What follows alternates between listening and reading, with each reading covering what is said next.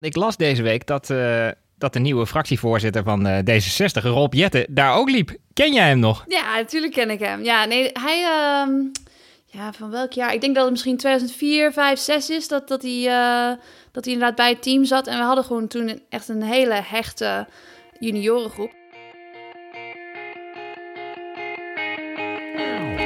En dat teken 12 seconden. Ja, knap hoor. Voor de eerste Ja, ja, ze loopt dus sneller dan vier jaar geleden.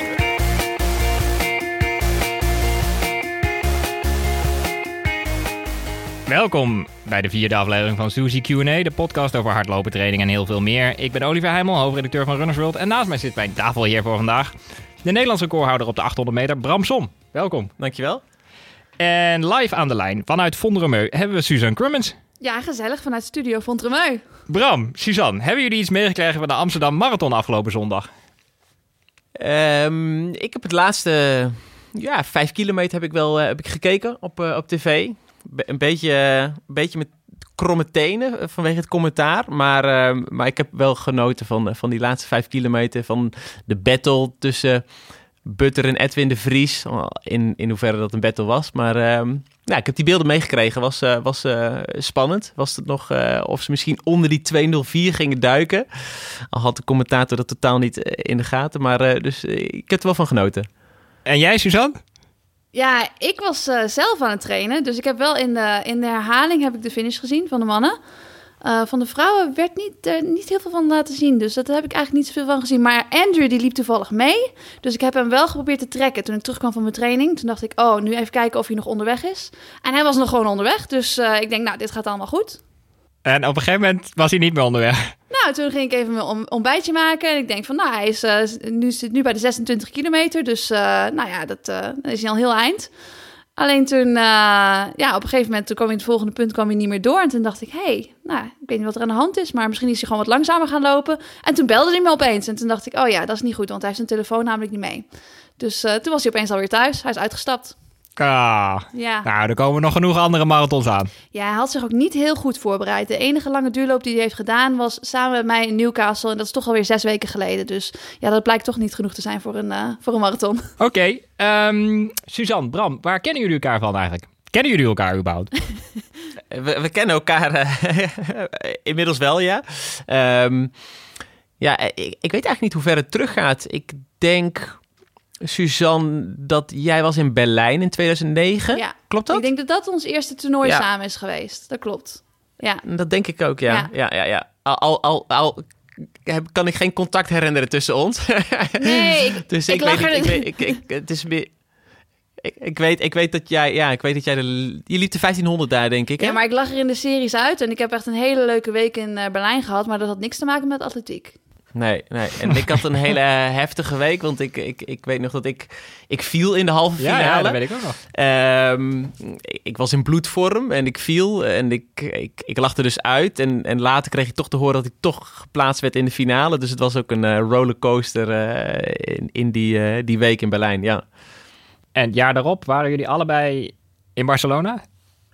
Ja, waren we allebei in Barcelona. Um, alleen lag ik plat. Uh, ik was ziek daar, ik had een voedselvergiftiging. Ik, uh, dus, dus daar heb ik ook heel weinig van meegekregen. ja. ja, dat was voor mij ook weer niet zo'n succes. Dus Barcelona, wel een leuke stad. En inmiddels kennen jullie elkaar van de Global Athletics, denk ik? Ja, klopt. Ja. ja. Daar, daar, daar is uh, ja, contact uh, wel geïntensiveerd. Dus uh, ik ben organisator van de ja, voorheen Nijmegen Global Athletics, wat we omgevormd hebben tot de Next Generation Athletics. En um, dat is een grote uh, internationale atletiekwedstrijd in Nijmegen. Ja, klopt. Uh, met, met, met één focuspunt en dat is gewoon uh, midden- en lange afstand. Eén avond vol 800, 1500 en 5 kilometers. En ehm, ja, we, hebben daar, hadden daar een, een publiekstrekker nodig. En Suzanne had daar natuurlijk al meerdere keren gelopen. Ik vind het heel belangrijk ja, om die wedstrijd wat meer aanzien te geven. Dus, dus ik dacht van, nou, er is iemand die heel belangrijk is en gaat worden voor deze wedstrijd. En dat is Suzanne. En ja, op die manier zijn we wel wat intensiever samen dingen gaan doen. hey, en ik heb nog één link bedacht, namelijk jij komt uit het team Zevenheuvelen. Ja, dat klopt. Ooit, lang geleden. Yes. En Bram, jij bent daar nu trainer. Ja, klopt ja. Ja. ja. Ja, nee, ik ben bij, eh bij Seven Hills begonnen toen ik 12 was. En zo ben ik eigenlijk met hardlopen begonnen. Door een hardlooptestje te doen. Eh, toen was Has nog de coach. En eh, ja, ik heb daar eigenlijk gezeten totdat ik naar Amerika ging. En eh, Bram is nu natuurlijk de coach bij de junioren. Dus eh, ja, dat, dat is in ieder geval de link. En eh, ja, ik vind dat ze nog steeds heel goed werkt. En wij, eh, dat heet nu Team Zevenheuvelen natuurlijk. Ehm, maar dat was voor mij in ieder geval echt een hele leuke tijd om eh, zo voor het team te lopen. Want jij rolde erin via een hardlooptestje. Hoe moet ik me dat voorstellen? Ergens bij een supermarkt stond iemand eh, met zo'n meisje lopen eens 100 meter? Of? Nee, nee, het stond in de krant dat, dat je een paar Nike-schoenen kon winnen als je aan een hardlooptestje meedeed. En als je dan bij de beste drie eindigde of zo, kon je een paar Nike-schoenen winnen. En ik deed wel een beetje aan atletiek, maar ik dacht eigenlijk niet dat ik goed kon hardlopen. En toen, eh, toen zei mijn vader van, nou ja, waarom probeer je dat niet een keer? Want ik kreeg natuurlijk nooit Nike-schoenen van mijn ouders. Dus toen dacht ik, nou ja, dat ga ik doen. Dus ik heb dat testje gedaan. Eh, ik deed het goed. Eh, geen Nike-schoenen gekregen trouwens. Dat was gewoon een lokketje. Zo stond het in de krant.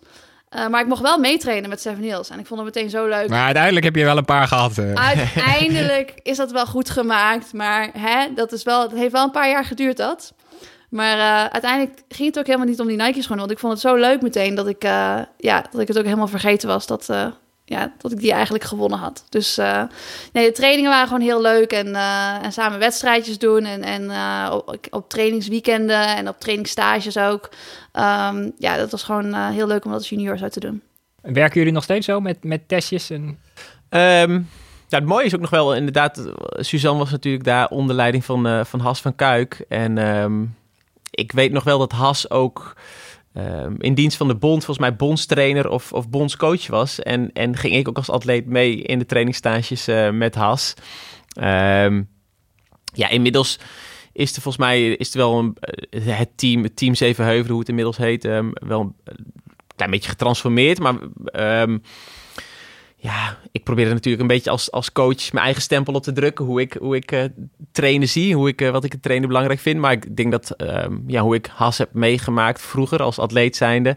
Ja, dat, dat er ook wel heel veel gelijkenissen zijn eh, daarmee. Dus, dus, dus ja, ik, ik weet niet hoe het vroeger ging, maar ehm, ehm, inmiddels, ja, we, we, scouten natuurlijk wel een beetje bij, bij de lokale wedstrijdjes. Dus de, de Zevenheuvelen Nacht eh, heb je daar. Eh, je hebt natuurlijk best veel leuke en kleine wedstrijdjes in de omgeving van Nijmegen. En op die manier is die aanwas ja, altijd best wel, eh, best wel groot. En er worden gewoon faciliteiten geboden voor deze kids die eigenlijk ja, het trainingsniveau bij de lokale vereniging een beetje ontstijgen. En, en, en enige affiniteit hebben met, eh, met lopen. Eh, Of dat nou eh, 400, 800 of 1500 of een marathon uiteindelijk is. Ja, dat, dat, eh, dat zien wij graag. En die proberen wij dan eh, te ontwikkelen binnen Team Zevenheuvelen. Eh, Ik heb nog één vraag over Team Zevenheuvelen eh, aan Suzanne. Want ik las deze week dat, eh, dat de nieuwe fractievoorzitter van eh, D66, Rob Jetten, daar ook liep. Ken jij hem nog? Ja, natuurlijk ken ik hem. Ja, nee, hij... ehm, ja, van welk jaar? Ik denk dat het misschien 2004, 5, 6 is dat, dat, hij, dat hij inderdaad bij het team zat. En we hadden gewoon toen echt een hele hechte juniorengroep. Hij is één jaar jonger dan ik. En dus hij liep ook een beetje dezelfde wedstrijden. En eh, ja, hij ging inderdaad ook mee op die, op die stage dan eh, naar, naar Portugal, naar Valencia, waar jij nog zat vorige week, toch?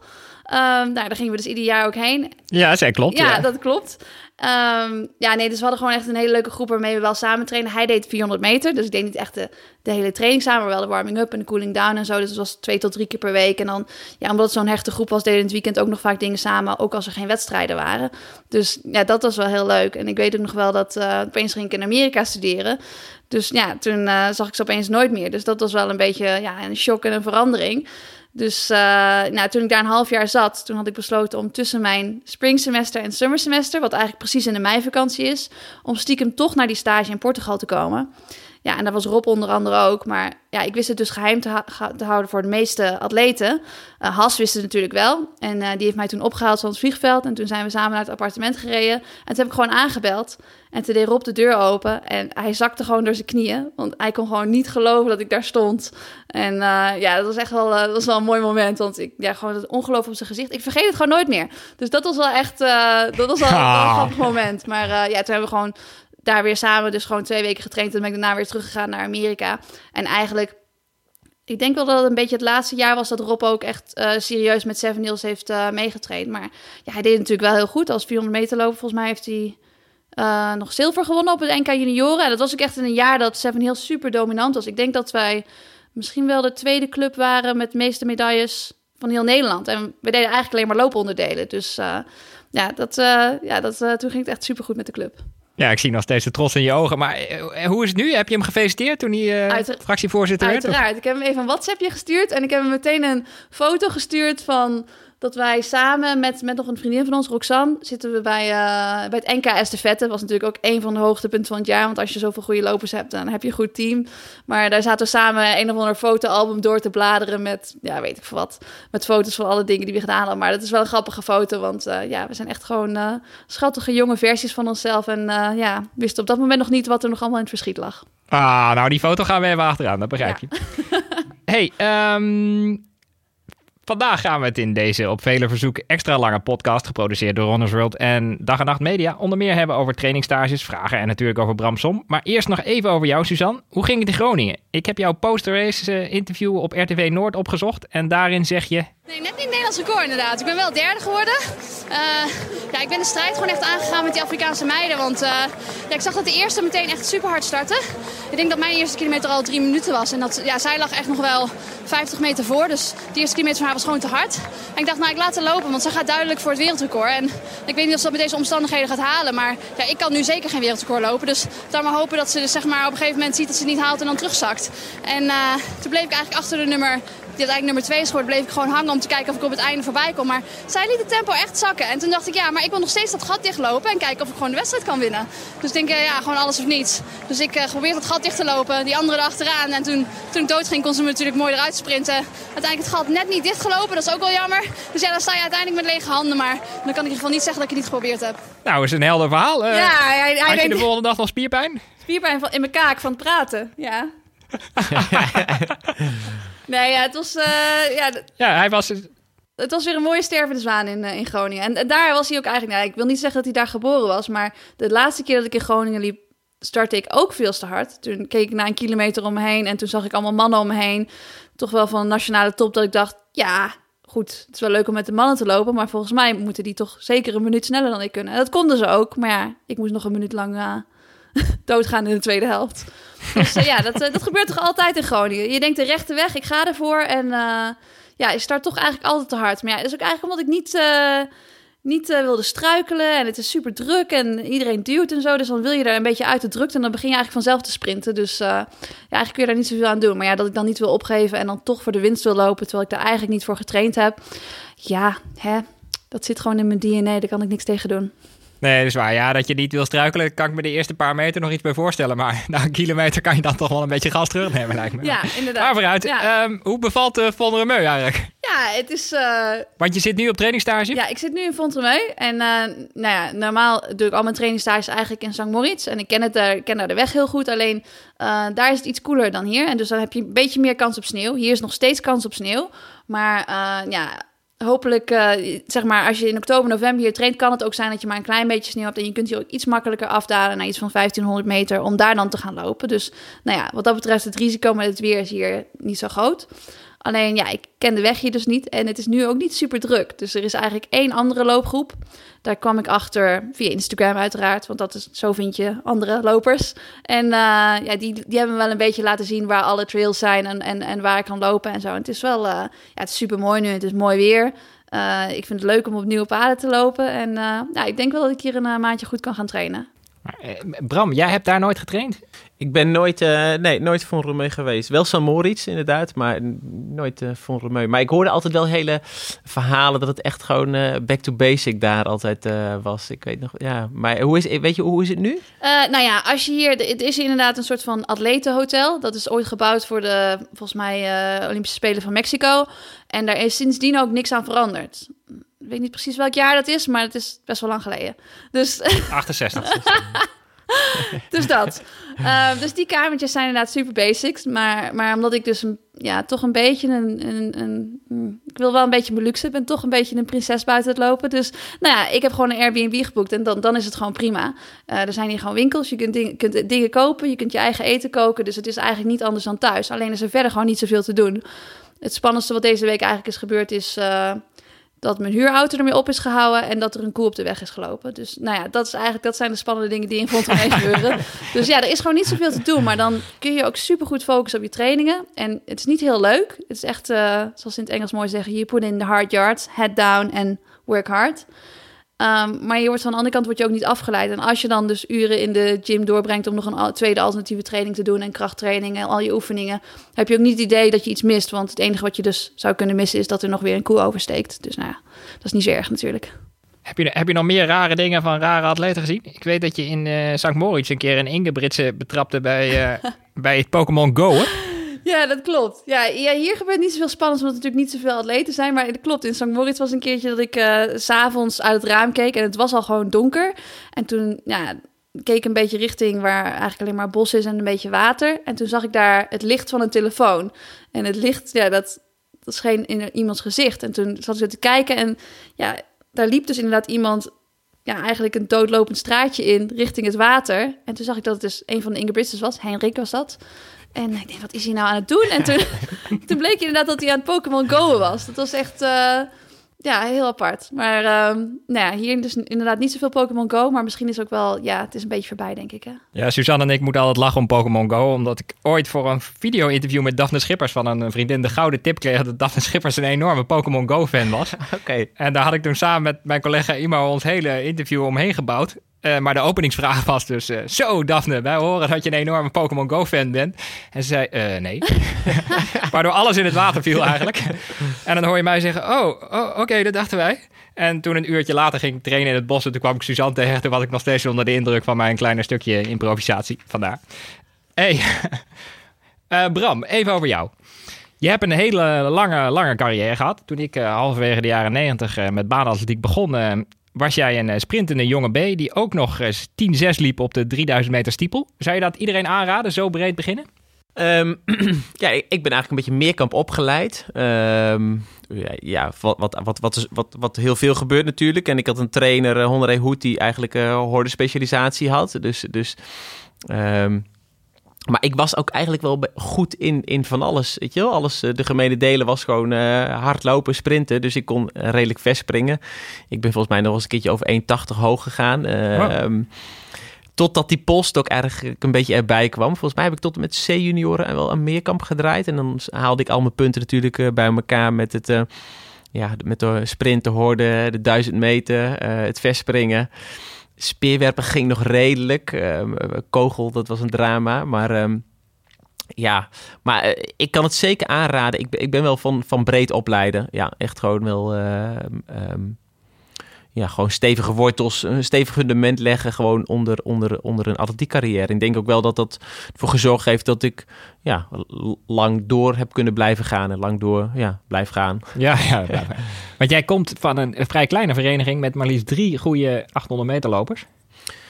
Um, ja, we hadden wel een aardige aantrekkingskracht. Ik kom inderdaad uit de Achterhoek. Uh, ik was lid van uh, Atletico 73, die als een van de eerste in die regio een atletiekbaan uh, daar hadden liggen. Um, Doetinchem ligt daar tegenaan, maar die hadden geen atletiekbaan. Wat, wat ervoor zorgde dat ook bijvoorbeeld Arnoud Okke um, ja, naar onze vereniging kwam, terwijl hij gewoon in Doetinchem woonde. Um, ja, en dat, dat zorgde wel voor een aantrekkingskracht van, van, van, uh, ja, van, uh, van goede atleten. En het feit dat Honoré Hoed um, daar wel met een, als trainer met een visie stond, ja, dat, dat, dat, dat werkte als een magneet. Ja, ik kan me voorstellen. In, in, in 2000 stond je al op te spelen trouwens, als 800 meter loper. In 2006 werd je Europees kampioen in een race die wij ons allemaal heel goed kunnen herinneren waarschijnlijk. Heb je in die tijd of voor die tijd nog wel eens gedacht dat het helemaal niet zou lukken met lopen? Of was het eigenlijk één lang succesverhaal? Nee, het is verre van een succesverhaal, denk ik. Het is eigenlijk gewoon een verhaal wat, denk ik heel veel atleten herkennen. Het is een, uh, een verhaal van ups en downs, vallen en opstaan, blessures. Uh, ik denk dat mijn... Ja, ik, ik, ik, ik, heb laatst een presentatie gegeven en toen ben ik eens gaan tellen hoeveel, hoeveel jaar of hoeveel maanden, daar begon het eigenlijk mee, uh, ik geblesseerd ben geweest. En als je alles bij elkaar optelt, hoeveel je eruit hebt gelegen, dat zijn echt gewoon ja, dan zit je tegen de drie jaar aan dat je, dat je een blessureleed hebt gehad. Dus dat is voor mij ook wel kenmerkend. Maar um, ik wist wel dat ik gezegend was met heel veel talent. Um, ik weet dat dus ook als B-junior, als, als, als 17-jarige, uh, werd ik Nederlands kampioen indoor op de 400 meter. En ik werd Nederlands crosskampioen op 6,4 kilometer. En dan weet je dat je natuurlijk een hele brede range hebt. En dat je wel, ja, dat je getalenteerd bent. Maar goed, ja, talent moet je hebben. Maar dat moet natuurlijk wel een keertje uh, benut worden. En ehm, ja, door, door, hele mooie begeleiding ben ik eigenlijk stapje voor stapje steeds verder gekomen. En, en ook met vallen en opstaan, uh, ja, heeft mij wel altijd getriggerd om dingen anders te gaan doen. Om verder te kijken wat er nog meer te koop was. En, en op die manier heb ik eigenlijk mijn carrière invulling aan gegeven. Uh, heb jij je blessureweken wel eens opgeteld, Suzanne? Ik durf dat niet. Nee, ik denk dat ik wel, ik denk dat ik wel over... misschien wel een leuk spelletje. ik denk dat ik makkelijk over de drie jaar ga. Dan denk je toch, waar ben je mee bezig? Ik ben eigenlijk nooit geblesseerd. Misschien is dat gewoon wat ik fout doe. Uh, Bram, nu ben je trainer van de Keniaanse Fit, Faith. Ja. Uh, zij is zelfs uh, Olympisch kampioen geworden onder jouw leiding. Een, een, feit wat veel te weinig aandacht krijgt, wat, wat mij betreft. Um, je bent ook jeugdtrainer dus. En je haast de snelste 800 meters op de wereld. Uh, tussendoor loop je nog marathons. Waar ben je trots op? Wat is het eerste wat je vertelt, zeg maar, op feestjes? Als je het al over atletiek hebt. Um, ja, kijk, de, de begeleiding van de, van de Afrikaanse atleet die ik doe, van onder andere Fate. Um, ja, dat is, dat, is, dat is lastig uit te leggen, weet je wel, hoe dat in zijn werk gaat. Um, maar wel, wel een spannend verhaal natuurlijk. Want dat, dat, dat, dat, ja, dat, dat uh, zorgt ervoor dat je ook redelijk wat tripjes uh, naar Kenia hebt natuurlijk. Uh, dus ik kom er nog wel eens. Um, maar dat is wel iets waar ik, waar ik op dit moment heel veel affiniteit mee heb met de coaching. En eigenlijk het overbrengen. Ik stond eigenlijk in 2012 wilde ik heel graag nog zelf een keertje naar de Spelen. Dat mislukte, onder andere door blessures. En uh, toen heb ik er een punt achter gezet. Alleen toen merkte ik dat ik, ja, dat ik wel zo begaan was met die sport... dat ik het zo leuk vond, um, dat ik het ontzettend zonde vond... dat ik, dat ik en de kennis had van, van, van trainen en ook een ervaringsdeskundige was. Ik heb de laatste jaren van mijn carrière eigenlijk voornamelijk ja, mezelf enorm verdiept in alle materie en, en eigenlijk zelf uh, heel veel invulling gegeven. En dat ja, Ruben Jonkin begeleidde dat eigenlijk die rode draad, uh, die zorgde dat dat, dat, dat dat liep.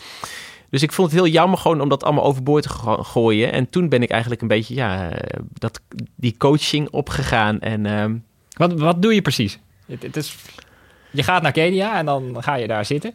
Nou, eigenlijk, eigenlijk uh, nee, daar zit wel natuurlijk een hele proces uh, aan vooraf. Um, er is een enorme goede samenwerking, nauwe samenwerking met, met Jos Hermes, met Global Sports Communication. bij wie um, In de, in de stal zeg maar zit. dus, dus zij zorgen eigenlijk voor, voor het management daarvan. Voor het zorgen dat, dat wedstrijden georganiseerd of geregeld worden. Het hotel, de vluchten, de sponsorcontracten. Alleen, ja, Jos die heeft wel een visie van we willen atleten meer bieden dan alleen dat. En, en met die vraag kom, kom, komt hij wel eens bij mij. Kwam hij in dit keer geval van, uh, van Fate bij mij. Van ja, ik bedoel, we hebben een meisje mega wereldkampioen bij de junioren. Um, maar die, die moet een volgende stap maken, weet je wel. En, en ja, kun jij daar eens heen gaan om te kijken van, nou, uh, wat je ervan vindt. Um, ga eens met haar kletsen, weet je wel. Ze, is een, ze heeft wel een, een westerse insteek, weet je wel. Uh, ze is, het is meer dan alleen uh, yes, yes, yes, coach. dus, maar, maar maak je de schema's? Of, Dus ja, ik, dus ik, ik, schrijf, um, ik schrijf de schema's. Um, ik, ik doe een eerste aanzet voor, voor een periodisering. welke wedstrijden gaan we lopen, welke wedstrijden gaan we niet lopen. ja, maar ook heel leuk. Ja, waar, waar, gaan we de komende vijf jaar heen? Weet je wel? Uh, hoe zie je dat? Uh, ja, uh, dus, dus eigenlijk, eigenlijk ja, dat, dat, dat is voornamelijk de invulling. En daarnaast zijn we gewoon heel druk om, om eigenlijk een team om haar heen te bouwen van specialisten om ervoor te zorgen dat, dat, dat, dat niet alleen ja, het trainingsaspect gewoon belicht wordt, maar ook ja, natuurlijk uh, de voeding, de reizen, um, ja, al die kleine aspecten die allemaal invloed hebben gewoon op, ja, op de training, op de prestatie, die moeten gewoon uh, bepaald worden. Dus ik schrijf ook in de schema's uit op welke schoenen ze uh, elke welke training doet. Um, want het is, ja, we merken gewoon dat, dat, dat ze ja, op sommige vlakken best een fragiel lichaam heeft. En, en dan zijn dit soort aspecten zijn, ja, zijn heel belangrijk. Dus dan ja, duik je ook weer in de schoenenmaterie. En uh, ja... Dus, dus het komt wel, komt wel echt op details aan. En, en ja, het is natuurlijk een best een, uitdaging. Um, ja, om, om, dat te doen. Een hele leuke uitdaging om uiteindelijk om, op die manier uh, met haar samen te werken. Bepaal jij je scho eigen schoenen eigenlijk, Suzanne? Ja, Maar dat, eh, ja, dat, je moet het wel leren en weten, want schoenen veranderen natuurlijk ook. Ja. Dus bijvoorbeeld de nieuwe Pegasus is nu uh, ja, is een andere schoen dan uh, heel anders dan die ervoor, de 35 tegenover de 34. En dan moet je wel zelf kunnen bepalen, kan ik daar een lange duurloop in doen of, of moet ik daar een threshold in doen? En ja, door de jaren heen merk je wel dat het inderdaad vaak veiliger is om een zwaardere schoen aan te doen. Maar uiteindelijk moet je ook op een gegeven moment klaar zijn voor spikes. Dus nou ja, je moet, je, ja, je moet daar ook wel weer aan wennen. Dus het is wel iets wat je moet leren. Ik heb nog één uh, vraag voor jou, Bram. Ja. Uh, dat fascineert mij aan, aan jouw haaswerk. voor, voor de luisteraars die, die daar geen beeld van hebben. Bij de belangrijkste 800 meter wedstrijden in het jaar ben jij degene die je tempo aangeeft tot zeg maar 500 meter. Ja. Je hebt wel eens gezegd, er zijn 10 manieren om 50 seconden te lopen op de 400 meter. Ja. Hoe kies jij de beste? Ja, ik, ik kies die niet. Ik voel die eigenlijk. Dat is denk ik ja, wat, wat, het feit dat, dat, dat ik graag gezien de gast ben gewoon op, op, bij de Diamond Leagues op de 800 meter. En dat ik eigenlijk... Ik ken de jongens die achter mij lopen. Ik, ik, ik weet wat, wat ze graag wat ze willen, hoe ze lopen. En op basis daarvan, ja, uh, voel ik wel aan van hoe ik die 50 seconden moet lopen op de eerste 400. En in welk stadium van het seizoen zitten we, weet je wel? Uh, is het een week voor het toernooi? Is iedereen zenuwachtig en is het kat uit de boom kijken? Of is het, is het april, mei, weet je wel? En, en moet iedereen zich bewijzen om überhaupt de Diamond Leagues binnen te komen, weet je wel? Ja, ook hier weer heel, natuurlijk heel veel aspecten die, die, die een rol spelen. Ehm, ja, als er tien regendruppels vallen, dan weet je, dan kun je alle Kenianen bewijs al afschrijven. Die gaan sowieso al niet volgen, want regen, dat is, ja, dan, dan komen ze hun, hun mandje niet uit. Dus, dus, dus en, en ja, dat weet ik inmiddels allemaal wel. En dat uh, zorgt ervoor dat ik ja, dan een van die tien manieren kies om, om, om een insteek te geven aan die 400 meter. Ja, want voor de. Jij wordt betaald om zeg maar een tijd te lopen. Maar in het gunstigste geval loop je hem zo dat de mensen jou volgen, zeg maar. Ja, precies. Dat is de insteek. Dus, dus, dus ik word benaderd eigenlijk door, um, door een organisator, een wedstrijdorganisator. Um, die is gebaat bij, uh, bij een hele snelle tijd op, op, op de 800 meter. Bij elke willekeurige afstand die hij uh, op zijn programma heeft staan. Um, nou, hij weet uh, dat als er iemand op kop sleurt, dat hij waarschijnlijk een snellere eindtijd heeft. En, en, en, en dat is inderdaad ja, het, het, werk van een haas, hoe het, hoe het, hoe het in, in gang gaat. En um, ja, dan is het natuurlijk altijd uh, ja, de grote, de grote uh, uh, ja, onderhandeling van ja, wat, wat gaan we lopen? Weet je wel, welke tijd moeten we dan doorkomen? Um, ja, dat is, dat is ook een beetje een spel natuurlijk, weet je wel. De avond van tevoren, de avond voor de wedstrijd, is er een uh, technical meeting waar alle uh, atleten-managers bij elkaar komen. Dus de managers die, die hun atleten in die race lopen vertegenwoordigen. En daar is eigenlijk een voorstel van een organisator van, nou, zullen we er 50 seconden of 49,5 seconden van maken? En dan uh, barst er een discussie los van de een wil wel en de ander wil niet. En de een wil langzamer de ander wil harder. En... Maar jij bent 38 inmiddels? Ja, ik ben 38 jaar, klopt. Hoor jij nooit een tijd daar waarvan je denkt, nou, ik weet niet of ik dat kan lopen? Als er uh, iemand opstaat met, laten we gewoon eens 48 openen. Nee, dat gebeurt niet. Ik weet, ik weet, ik weet, ik weet natuurlijk, weet je wel, de range uh, die ik moet hebben gewoon uh, om door te kunnen komen.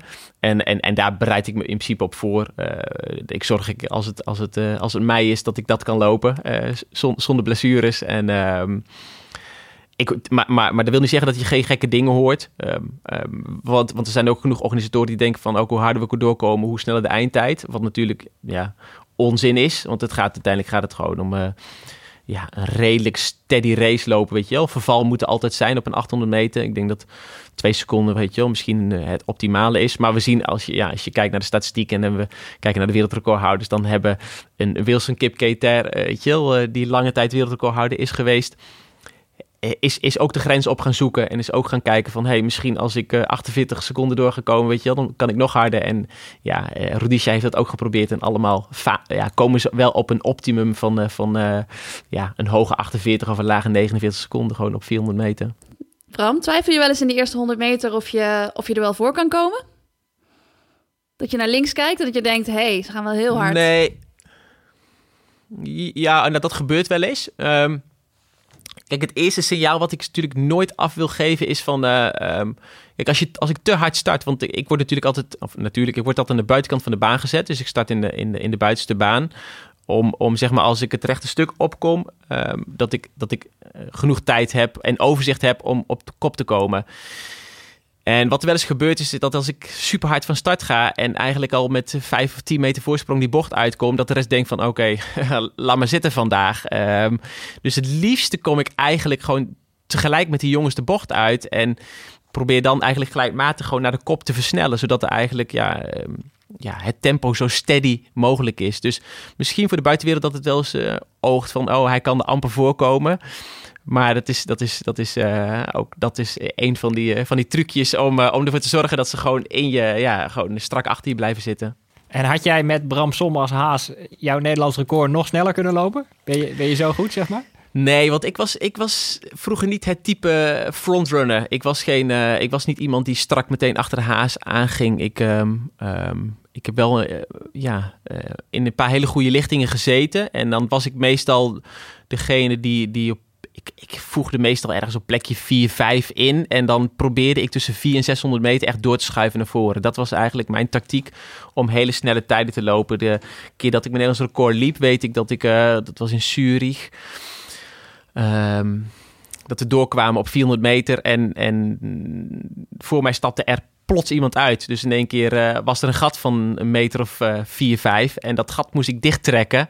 Ja, en dat zorgde voor een, ja, voor een hele snelle uh, tussentijd zeg maar, van 4 van vier naar 6. En dat zorgde voor, uh, ja, voor een hele snelle eindtijd. En dat was, dat was ja, wat je eigenlijk heel veel ziet op de 800 meter. Als je het gaat analyseren, dan moet um, het stuk van 4 naar 600 moet super hard zijn. Dat moet echt keihard zijn. En uh, daar, ja, um, als dat gebeurt, dan heb je snelle eindtijden. En daar ligt dus ook zeg maar, de, de kracht of, of juist het falen van een haas. Want als ik, ja, soms zeg ik wel eens, een uh, haas is eigenlijk, uh, weet je wel, is, is helemaal niet zo heel zwaar. Want ik moet er gewoon uit voordat ik kapot ga. Voordat ik kapot ga, moet ik eruit. Want ik mag het tempo niet laten verzwakken. En Ja. uh, ik moet voor, die, voor dat moment moet ik eruit. En ehm, ja, want zij moeten eigenlijk gewoon een, een, een eh, ja, als je het opdeelt. Als je 4 keer 26 seconden loopt, loop je 1,44 op een 800. Dus het mag echt niet langzamer gaan dan dat. En het liefst, het liefst heb ik nog dat, eh, dat, uh, ja, dat er eigenlijk een kleine versnelling in zit na 400 meter. Dat gevoel moet je hebben. Oké, okay. ja, ja, mooi. Oh, het is tijd voor ons eerste segment, hoor ik. Ask Suzy. Stuur je vragen in, riepen wij. Dan beantwoorden Bram en Suzanne die hoogstpersoonlijk in de uitzending. Ik heb eerst een vraag voor jullie allebei van Running Joyce. Het is een vrij korte vraag. Voorvoetlanding of hiellanding? Wat zijn de voor- en nadelen? Suzanne, ben jij een voorvoetlander? Nee. Nee, dat zou, dat zou lastig zijn. 10 kilometer lang. Maar het is wel zo als ik kortere afstanden loop, dat ik dan wat meer richting voorvoet ga. Maar ik ben ook geen hielander. Het is meer mid. Dus, uh, maar ja, als ik uh, alleen maar op mijn voorvoet zou landen, dan uh, zou mijn Achillespees echt helemaal overbelast raken.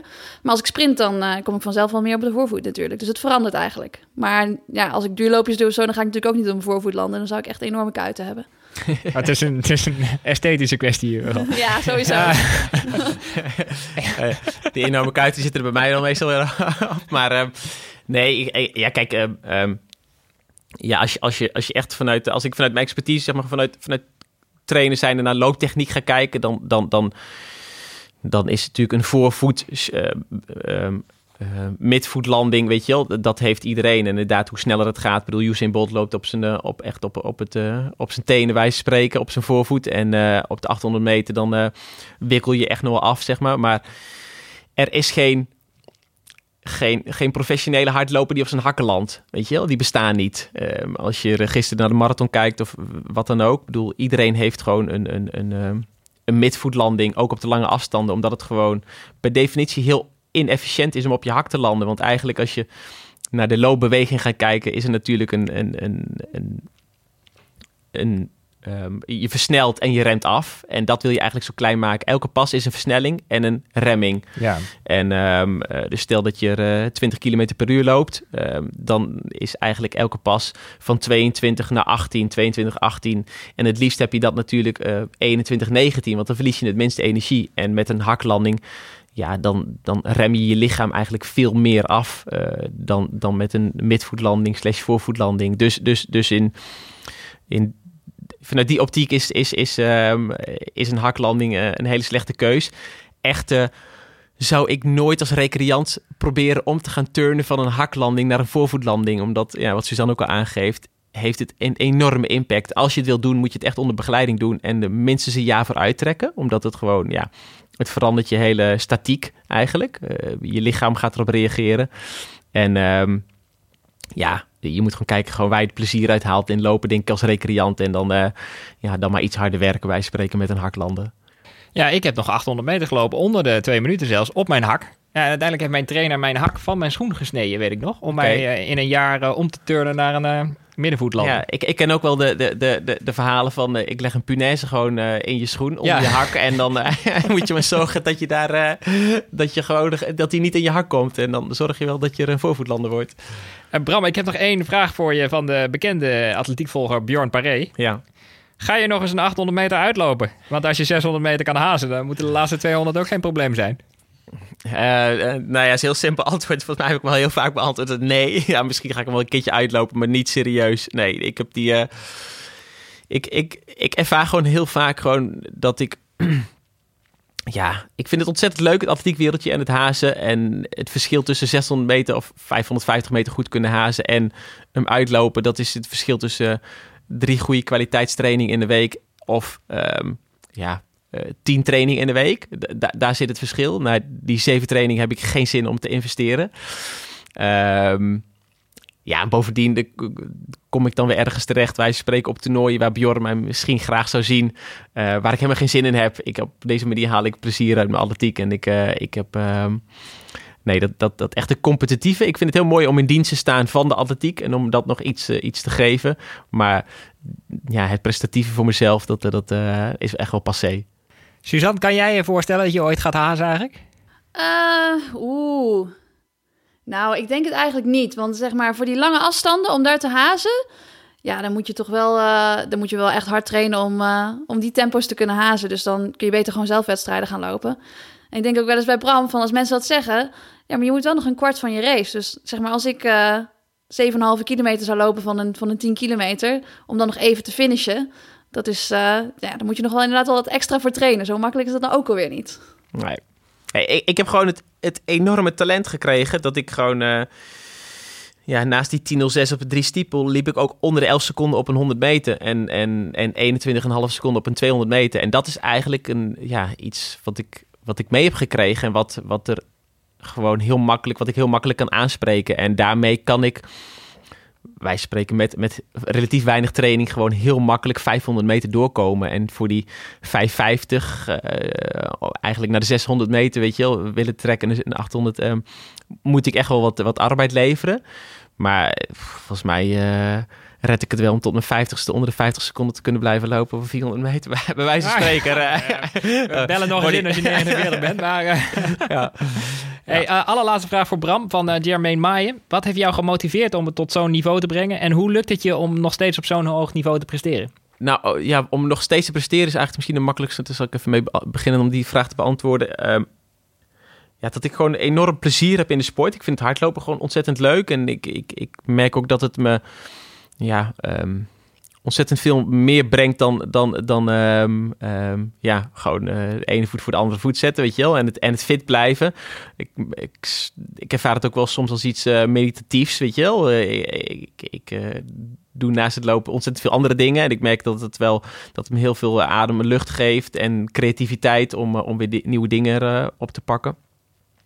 Um, ik ben ook een coach die, die graag eerst zelf wil experimenteren met iets.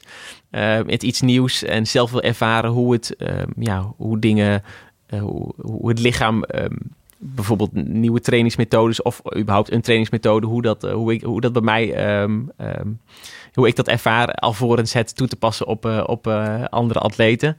Dus vanuit ja, die nieuwsgierigheid vind ik het ook heel leuk om, om dingen te blijven doen. Er is geen jaar dat ik, wij spreken hetzelfde doel, of ik schrijf ook niet mijn eigen schema's uit of zo. Het is echt, ja, een beetje experimenteel is het voor mij. En ja, um, verder teruggaan in de tijd. Um, ja, ik, ja, is een goede vraag van Jermaine. Eigenlijk wat, wat die drive was. Ik denk. Ik had een hele leuke lichting. We hadden heel veel gezelligheid. Ik zat natuurlijk in de lichting inderdaad met Arnoud Okke.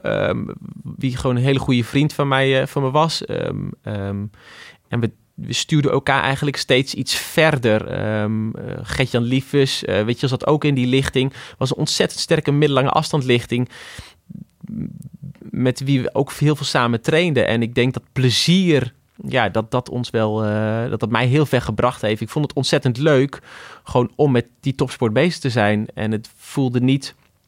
Natuurlijk, rond die blessureperiodes was het wel eens, was het echt werken, weet je wel. En deed dingen liever niet. Maar overal was er gewoon heel veel plezier. En, uh, en uh, ja, dat was wel de basis, denk ik. Suzanne, wat is jouw drive?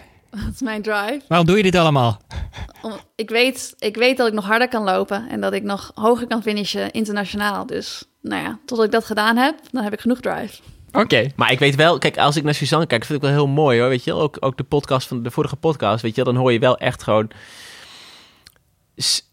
Ja, dat, tenminste, zo, zo hoor ik het dan, zeg maar. Dat ze wel echt gewoon het, ja, Suzanne staat wel, straalt wel echt het plezier uit gewoon in de sport gewoon. Bij, bij sommige atleten echt denk van, oké, dit is echt je, je werk, weet je wel? Ik bedoel, ja, heb ik het gevoel dat Suzanne het wel zo georganiseerd heeft. Ik bedoel, als je haar Instagram volgt en, en, en dan, dan, straalt, dan straalt het wel gewoon echt plezier uit. Naast het feit dat je er gewoon kei en keihard voor werkt, weet je wel? En dat is denk ik wel gewoon een basis gewoon, uh, ja, dat je het gewoon lang vol kan houden. Ja, moet het gezellig houden, toch? Heb je ook een vraag voor Suzanne? Of voor ons, mail hem dan naar mijn adres olivier.heimel.heurs.nl. En wie weet komt jouw vraag dan in onze volgende podcast. Ik heb ook nog een vraag voor jullie allebei. Anton Jan van de Looppodcast uh, Looppraat gaf mij de gouden tip om dat heimelijke vragen te noemen. Dus bij deze. Stel je bent jong en je hebt zoals jullie veel talent. Uh, Suzanne, wat zou je dan absoluut wel en niet moeten doen? Is er iets wat je de, de tienjarige Suzanne van nu kan meegeven? Um, je moet ervoor zorgen dat je er plezier in hebt in het lopen. Dat is eerst belangrijk. Maar je moet ook harde keuzes durven maken. Moet ik dit uitleggen? Zoals? Uh, zoals? Ja, ja, ja, ik vind, vind het mooi nou, filosofisch, maar... Uh, nou, ik denk als je, als je ergens aan twijfelt, bijvoorbeeld als je bij een coach zit en je, en je twijfelt of het goed werkt, dan, dan, dan moet je ook durven zeggen van oké, nou, ik ga gewoon iets anders doen. Terwijl dat soms moeilijker is dan bijvoorbeeld in een bepaalde groep te blijven trainen, omdat je ergens aan gewend bent. Um, ja, als ik dan voor mezelf kijk, is het bijvoorbeeld dat ik in, in, in 2012 de Spelen miste. En dat ik denk als ik eerder harde keuzes had durven maken, dat dat misschien niet nodig was geweest. Dus nou, dat is misschien wel iets voor later. Zeg maar, als je echt heel jong bent, is het wel belangrijk om vooral plezier te hebben. Maar daarna, als je er serieus mee door wil gaan, dan moet je wel hard zijn voor jezelf. En, en Bram, wat. Uh... Ja, wel heel herkenbaar hoor. Weet je wel, meestal als atleet. Uh, blijf je toch altijd iets te lang doorgaan. Wij ze spreken gewoon in, in een, in een ja, setting die, die vertrouwd is en waar je, waar, je, waar je al een keertje misschien succes mee gehad hebt. Maar, maar om echt keiharde keuzes ja, te nemen is moeilijk. Uh, maar wel een vereist, omdat je, je carrière is misschien ja, maximaal 10, 12 jaar, weet je wel. Dan heb je een lange carrière. En dan is eigenlijk, is elk jaar wat je weggooit, is, is gewoon verloren. En um, um, ja, kijk, als jeugd, ik, ik, wat ik nog mee zou geven, is zeker als je naar jeugd kijkt, ga jezelf niet te veel vergelijken, weet je wel, met anderen. Um, ja, het is natuurlijk heel simpel om natuurlijk naar de ranglijsten te kijken. Uh, als ik naar mezelf kijk, sta ik er niet eens echt bijzonder hoog in, weet je wel, toen ik echt jong was. Um, maar ja, hoe ik er nou tegenaan kijk naar, naar, naar de ontwikkeling van het individu, van de jeugd, weet je wel, is, is om maar eens te beginnen met het geboortemaand-effect, weet je wel. Ik bedoel, uh, wat in het voetbal misschien een hele bekende term is, maar Um, ja, je bent, je bent uh, C-junior en, en, en je bent in januari geboren of je bent ergens uh, in september geboren. Maar je valt allemaal in dezelfde categorie en alles wordt met elkaar vergeleken. Terwijl je natuurlijk, ja, uh, een, maanden, bijna een jaar voorsprong kan hebben ten opzichte van de andere atleet, weet je wel. Dus, dus ja, dat vergelijken, dat wordt natuurlijk heel, heel sterk gedaan. En er wordt natuurlijk altijd best wel veel druk gelegd, denk ik, ook op die juniorenperiode, op presteren. Maar uiteindelijk ja, moet je goede begeleiding zoeken en denk ik je vizier echt gewoon in je seniorenperiode leggen en, en, en echt een lange termijn visie durven te hebben en, um, en daar naartoe te proberen te werken. Want als ik jullie goed beluister, zou je dan kunnen zeggen, wissel in ieder geval één keer in je, in je carrière van trainer? Nou, ik denk dat er heel weinig coaches zijn die heel goed junioren kunnen coachen en heel goed senioren kunnen coachen. Want dat zijn eigenlijk, dat is gewoon een, ja, toch wel een ander vak, denk ik. Ja, dat, dat, dat uh, denk ik, ja, zou, zou, zou heel goed kunnen hoor. Maar, maar um, op jouw vraag antwoord te geven, inderdaad. Ja, wisselen van trainen is, is, is, um, is, is, is sowieso goed inderdaad om eens alleen maar te proeven gewoon van wat er nog meer te koop is in de wereld dan, dan het stramien van, uh, ja, van één bepaalde coach inderdaad. En, ja, en ik denk ook dat het heel belangrijk is. Uiteindelijk denk ik, wat mij, heel, wat mij vergebracht heeft, is dat Ruben Jonkin tegen mij zei van, ja, kijk, hoe meer jij jezelf verdiept gewoon in de atletiekmaterie, weet je, hoe, hoe beter jij mij aan kan geven wat je eigenlijk nodig hebt. Dus hoe meer kennis je zelf hebt. Want uiteindelijk ben je zelf degene die precies weet wat je nodig hebt. En, en, en Ruben zei van, en ik weet het wel in, um, in het juiste vaatje te gieten. Maar jij moet aangeven van, oké, ik heb meer snelheid nodig. Of ik voel dat ik meer dit nodig heb. En atleten zijn natuurlijk, ja, die komen bij een trainer, worden eigenlijk misschien wel een beetje lui gemaakt. Weet je wel, oké, dit is het programma volgen. Terwijl je eigenlijk gewoon de vraag moet stellen waarom. Of ik heb het gevoel dat ik dit nodig heb. Of, um, en, en ja, dat is natuurlijk wel iets wat je als atleet, denk ik, gewoon moet proberen te ontwikkelen. Gewoon dat, dat de bal eigenlijk bij jou ligt en niet bij een trainer. En uh, ja, dat is, dat is, uh, dat zit niet standaard bij de meeste trainers erin. Daar is het natuurlijk veel al gewoon ja, uh, volg, vol, heel volgzaam.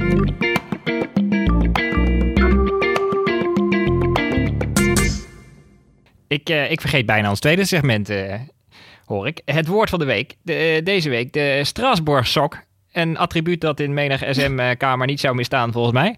Vertel, Suzanne.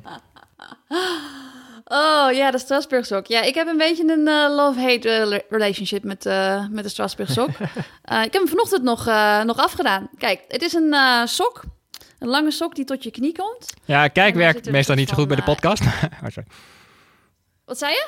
Oh, ik dacht dat je nu ging laten zien ook. Sorry, ik, ik onderbreek je. Vertel door. Nee, Nee, nee, ik leg het eventjes uit. En uh, met klittenband zit er dan uh, een bandje om, net onder je knie, om hem daar een beetje goed strak te houden. En vanuit de, de knie gaat er dan nog een ander klittenbandbandje richting je teen.